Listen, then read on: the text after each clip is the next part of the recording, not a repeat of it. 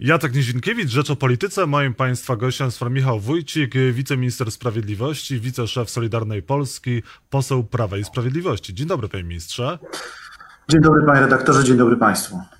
Panie ministrze, czy Rzecznik Praw Obywatelskich, e, pan e, Pawlak, powinien stracić e, funkcję, powinien przestać być Rzecznikiem Praw Obywatelskich po swojej wypowiedzi chociażby na temat edukatorów seksualnych, którzy podają pastylki dzieciom na zmianę płci? Rozumiem, że chodzi o Rzecznika Praw Dziecka. Rzecznika Praw Dziecka, tak, naturalnie. No, według mojej informacji, bo gdzieś widziałem wczoraj informację wieczorem, że jeszcze w środę Rzecznik Praw Dziecka złożył w tej sprawie zawiadomienie do prokuratury, więc e, pewnie jakimiś informacjami dysponuje, którymi chciałby się podzielić z prokuraturą, mm, więc ja nie widzę powodu, dlaczego ma tracić stanowisko swoje. A pan zna jakichś edukatorów, którzy rzeczywiście pod, seksualnych, którzy podają e, środki farmakologiczne, pastylki dzieciom na zmianę płci? Ma pan informację na ten temat jako, jako minister sprawiedliwości, wiceminister? Nie, nie, nie, nie mam takich informacji, panie redaktorze, aczkolwiek rzeczywiście po tej wypowiedzi sięgnąłem, bo ja nie jestem specjalistą w tej dziedzinie, natomiast sięgnąłem po w, pewne informacje i rzeczywiście są tabletki dotyczące e, na przykład ograniczania hormonów e, różnego rodzaju, ale ja mówię, nie jestem specjalistą w tym zakresie, pewnie pan Rzecznik Praw Dziecka ma więcej informacji w tym zakresie, ja nie mam żadnych informacji. A Rzecznik Praw Obywatel, Rzecznik Praw Dziecka, pan Mikołaj Pawlak, według pana powinien zachować stanowisko, tak? Nie widzi pan w jego wypowiedziach nic nagannego i też, żeby przekraczał granice. Panie redaktorze, no, ma y, jakąś wiedzę, którą chce się podzielić z prokuraturą, złożył zawiadomienie w tym zakresie. Ja nie mam wiedzy, co jest w tym zawiadomieniu, od razu mówię. Natomiast, y, no, wie pan, oczywiście, że każda wypowiedź, każde zdanie, osoby publicznej no, często służy opozycji do tego, żeby jakąś chucpę robić. Ja nie wiem, jaką wiedzą dysponuje w tym zakresie pan Rzecznik Praw Dziecka, natomiast e, mówię, no, tą sprawą zajmie się prokuratura, jeżeli rzeczywiście to zawiadomienie zostało złożone, bo też nie mam wiedzy, to jest wiedza moja, wiedza jest tylko wiedzą medialną. Czy, a pan nie wie nic o tym, żeby edukatorzy seksualni podawali środki farmakologiczne dzieciom na zmianę płci? Czy pan w ogóle słyszał o czymś takim? No bo domyślam się, że pan jako wiceminister sprawiedliwości powinien chociażby słyszeć o tego typu przypadkach, o których mówi tak ważna persona, jaką jest Mikołaj Pawlak, Rzecznik Praw Dziecka. Nie, nie mam takiej informacji, panie redaktorze, nigdy do mnie takie informacje nie dotarły, e, więc nawet mówię, nie poczuwam się tutaj jako ekspert, żeby wypowiadać się na ten temat, e, jakie jest działanie tego rodzaju tabletek. E, czy, czy to są tylko, nie wiem, ingerencje w jakieś natury operacji jakichś plastycznych, czy farmakologicznie także są jakieś możliwości stosowania jakichś tabletek. Nie mam wiedzy w tym zakresie, więc pozwoli Pan, że nie będę się wgłębiał w to w szczegóły, bo po prostu trudno mi powiedzieć. Wcześniej minister, e, wcześniej Mikołaj Pawlak powiedział, że e, metoda in vitro jest niegodziwa. Również został wybrany z naruszeniem ustawy o Rzeczniku Praw Dziecka, ponieważ nie ma pięcioletniego doświadczenia. E, to pan uważa, że to jest właściwa persona na tym stanowisku? E, ja pana rzecznika znam, e, dlatego że był dyrektorem e, w resorcie i zawsze bardzo rzetelnie, skrupulatnie wypełniał swoje obowiązki, więc znam go z przeszłości, kilka lat współpracowaliśmy.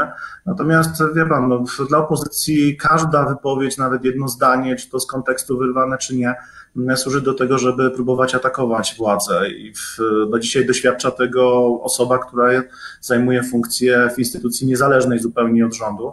E, Rzecznik Praw Dziecka. No, każdy z nas doświadcza z, z powodu jakichś wypowiedzi. E, jeżeli mówię, ma takie informacje, pan rzecznik powinien podzielić się z prokuraturą. E, skoro złożył zawiadomienie, to cierpliwie poczekajmy. A pan ręczysz za Mikołaja Pawlaka, który, jak pan wspomniał, no, wywodzi się z Ministerstwa Sprawiedliwości, w którym pan pracuje? Znaczy, co to znaczy ręczy? Mówię jeszcze raz, że w swojej pracy był dyrektorem departamentu, jednego z departamentów i zawsze rzetelnie wykonywał swoje obowiązki. Tutaj nie mogę absolutnie powiedzieć nic złego. Wiele dobrego zrobił dla dzieci.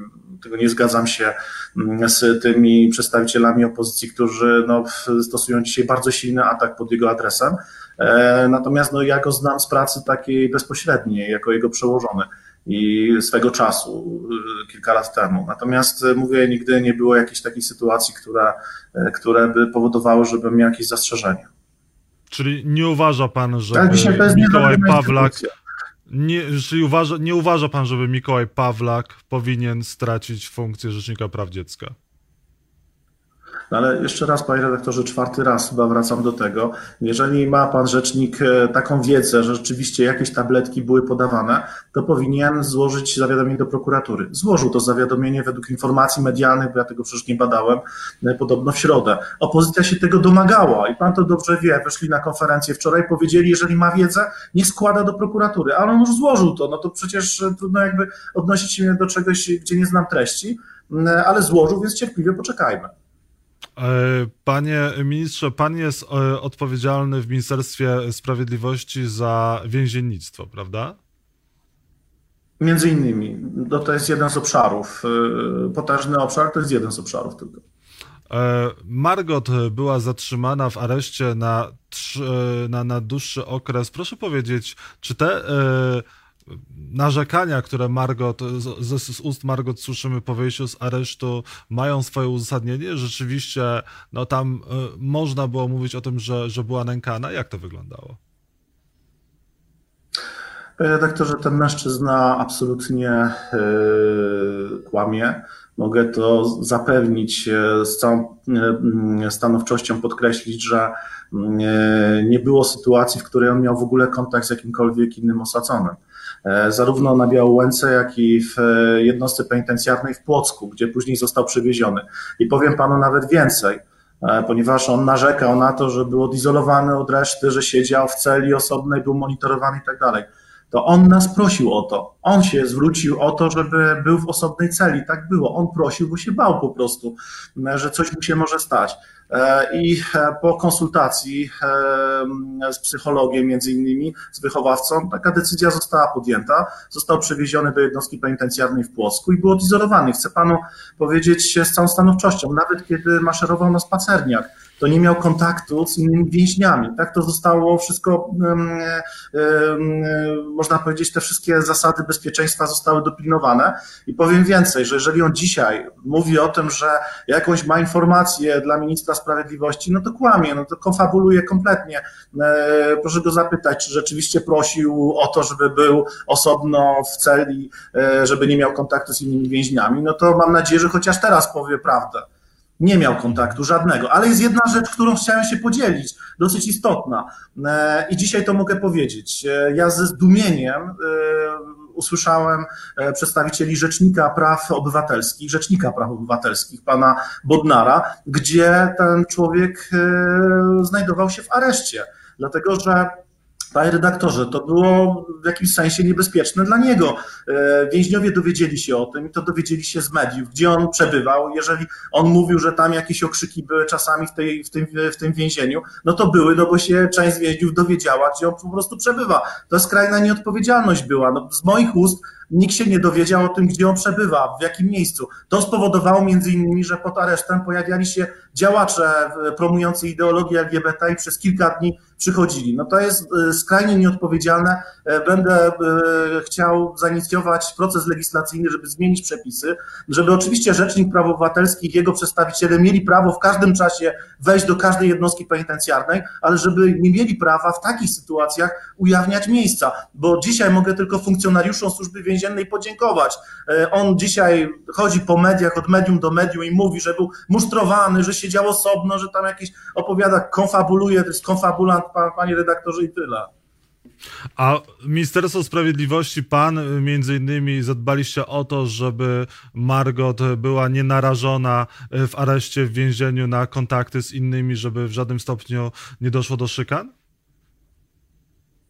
No nie było, no mówię panu jeszcze raz, mało tego, wielokrotnie ten mężczyzna był konsultowany w jednostce penitencjarnej e, przez lekarzy, e, funkcjonariuszom. Dzisiaj chciałbym podziękować, bo to przecież jest, była sprawa, jest sprawa bardzo medialna, natomiast nie miał kontaktu z innymi osadzonymi. To nie jest takie proste w jednostce penitencjarnej. Mówię, nawet jak idzie na spacerniak, trzeba zatrzymywać ruch w jednostce penitencjarnej, no wszystko musi się to odbywać na szczególnych zasadach. On powinien dzisiaj podziękować e, funkcjonariuszom, a on atakuje, mówi, że mustrowany jest, że przeszukiwaną celę miał. No, panie redaktorze, y, jeżeli ktoś jest monitorowany, jeżeli jest takiej celi, on był w celi przejściowej, no to przecież to jest zupełnie normalna rzecz, naturalna. Natomiast no, dzisiaj się wymądrza, ale to jest nieprawda, co mówi.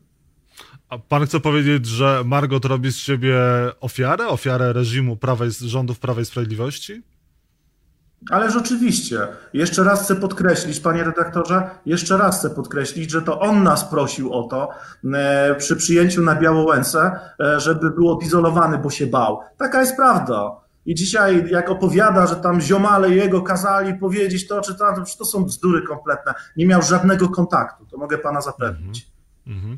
A jak pan ocenia y, środowisko y, LGBT, które no, po zatrzymaniu Margot no, domagało się y, jego wypuszczenia i też atakuje stronę rządzącą, czy też może wy, Solidarna Polska, dajecie powody do tego, żeby, no, żeby bronić bardziej środowiska LGBT, bo czasem chyba te wypowiedzi homofobiczne z waszych ust padają.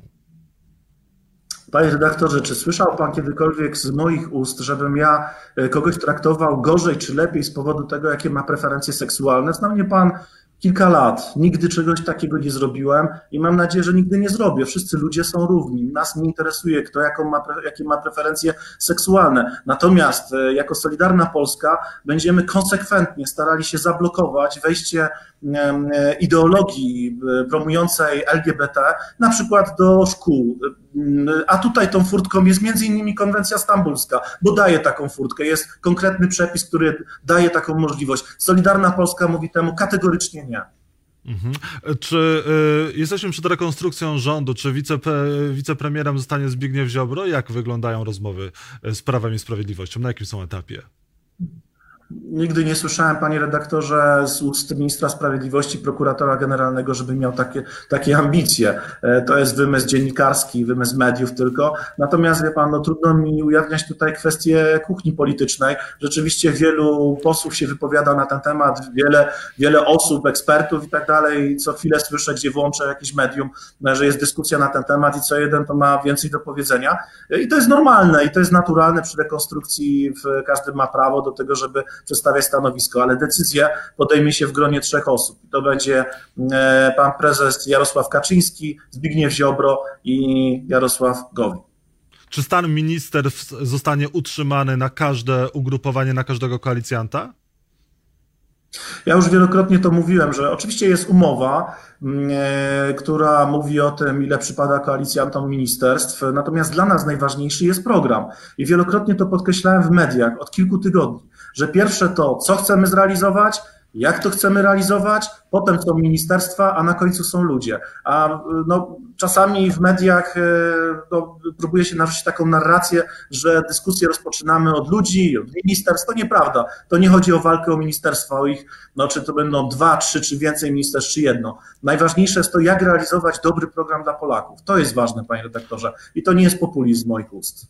Panie ministrze, a czy Solidarna Polska e, zaproponowała Prawo i Sprawiedliwości, że rozwiąże się i może wstąpić w struktury Prawa i Sprawiedliwości za dobre miejsce na listach?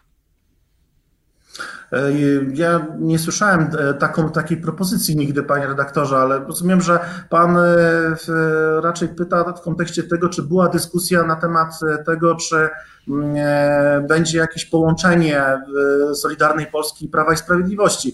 No, powiem szczerze, że oczywiście dyskutowano na ten temat mm, w przeszłości, natomiast wydaje się, że dzisiaj ta dyskusja jest zamknięta. Mhm. E, I na koniec, proszę powiedzieć, a kto powinien zostać nowym. Okej, okay. a proszę powiedzieć na koniec, a kto powinien zostać nowym rzecznikiem praw obywatelskich? Czy Solidarna Polska ma swojego kandydata? Kogoś proponuje? Nie, panie redaktorze, na razie o tym nie rozmawiamy, więc e, e, powinna być to osoba, która nie zrobi czegoś takiego jak chociażby odchodzący rzecznik, e, gdzie naraził na niebezpieczeństwo i funkcjonariuszy, i tego osadzonego, czyli tego Michała Esz, i innych osadzonych w jednostce penitencjarnej w Płocku i nie dopuściłaby się do czegoś takiego, że ujawnia miejsce, gdzie ta, taka osoba przebywa, czy wiele innych takich sytuacji, gdzie byliśmy w, polu, w polach konfliktu z Rzecznikiem Praw Obywatelskich, który atakował, czy też policjantów, czy, czy prokurator, praca prokuratorów się nie podobała, czy nas jako polityków w ministerstwie bardzo często kontestowaliśmy, że, a potem się okazywało na przykład, że to my mieliśmy rację, a nie Rzecznik Praw Obywatelskich. Ja bym chciał, żeby to był dobry człowiek po prostu, który jest profesjonalny, ma wiedzę, ma doświadczenie i będzie dobrze służył Polsce. I to nie jest populizm. I na koniec e, wspomniał Pan o policji. Ma Pan takie poczucie, że policja w Jeleniej Górze e, adekwatnie zareagowała na, e, na zachowanie E, ojca dzieci w autobusie, który, e, który przywoził hulajnogę w, w autobusie. No, został on zatrzymany przy dzieciach, e, powalony na ziemię, przy płaczu, krzykach dzieci, wyprowadzony z tego autobusu. Policja zastosowała przymus bezpośredni. Czy tak powinna reagować policja, czy, czy powinna się w ten sposób zachować? E, nie znam tego przypadku. Pozwoli pan, że e, nie będę odpowiadał. Proszę zobaczyć, ale e, mówię, no musiałbym znać stan faktyczny rzeczywiście, żeby mieć pełne przekonanie, że powiedzieć, czy nie wiem, była dobra, słuszna, prawidłowa reakcja, czy nie. No, to, to by było daleko idącą nieuczciwością, gdybym się wypowiadał, nie znając dokładnie Do, informacji. To na koniec w takim razie zapytam pana o coś, co pan na pewno zna, czyli sytuację Solidarnej Polski. Mówi pan, że Solidarna Polska idzie do przodu, ma już 5% w wewnętrznych e, sondażach. To prawda? Jakie są plany Solidarnej Polski na ten nowy sezon polityczny? Tak, to jest prawda. Przede wszystkim chcemy bronić określonych wartości. Wielką wartością jest rodzina w Polsce, wielką wartością jest małżeństwo. My przyjmujemy jednoznacznie, że to, co jest w Konstytucji napisane, że małżeństwo to kobieta, związek kobiety i mężczyzny, że to jest nienaruszalne. A przykładowo konwencja stambulska otwiera drogę bo konwencja stambulska, panie redaktorze, dlatego chcemy jako Solidarna wypowiedzenia tej konwencji stambulskiej, dlatego że między innymi tam jest zatarcie pomiędzy płciami. No, myślę, że dla zdecydowanej większości społeczeństwa są dwie płci tylko, mężczyzna i kobieta, no, a to zatarcie e, dokonuje się na tle konwencji stambulskiej. To my przygotowaliśmy ustawę antyprzemocową w resorcie sprawiedliwości i staramy się chronić przed przemocą kobiety, mężczyzn i dzieci. Natomiast e, jeżeli chodzi o wartości różnego rodzaju, mm, e, nie chcę tutaj się jakby wgłębiać, ale no, Solidarna konsekwentnie, zdecydowanie będzie stała na straży tych wartości, więc nie podzielamy stanowiska tych, którzy mówią, że trzeba jakiegoś otwarcia na środowiska lewicowe, na te inne poglądy. Oczywiście szacunek się należy i to jest oczywiste, ale mamy prawo do tego, żeby e, mieć swoje poglądy. Po to powstaliśmy, panie redaktorze. Michał Wójcik, wiceminister sprawiedliwości, wiceszef Solidarnej Polski, poseł Prawa i Sprawiedliwości był Państwa i moim gościem. Bardzo dziękuję za rozmowę. Dziękuję, do widzenia.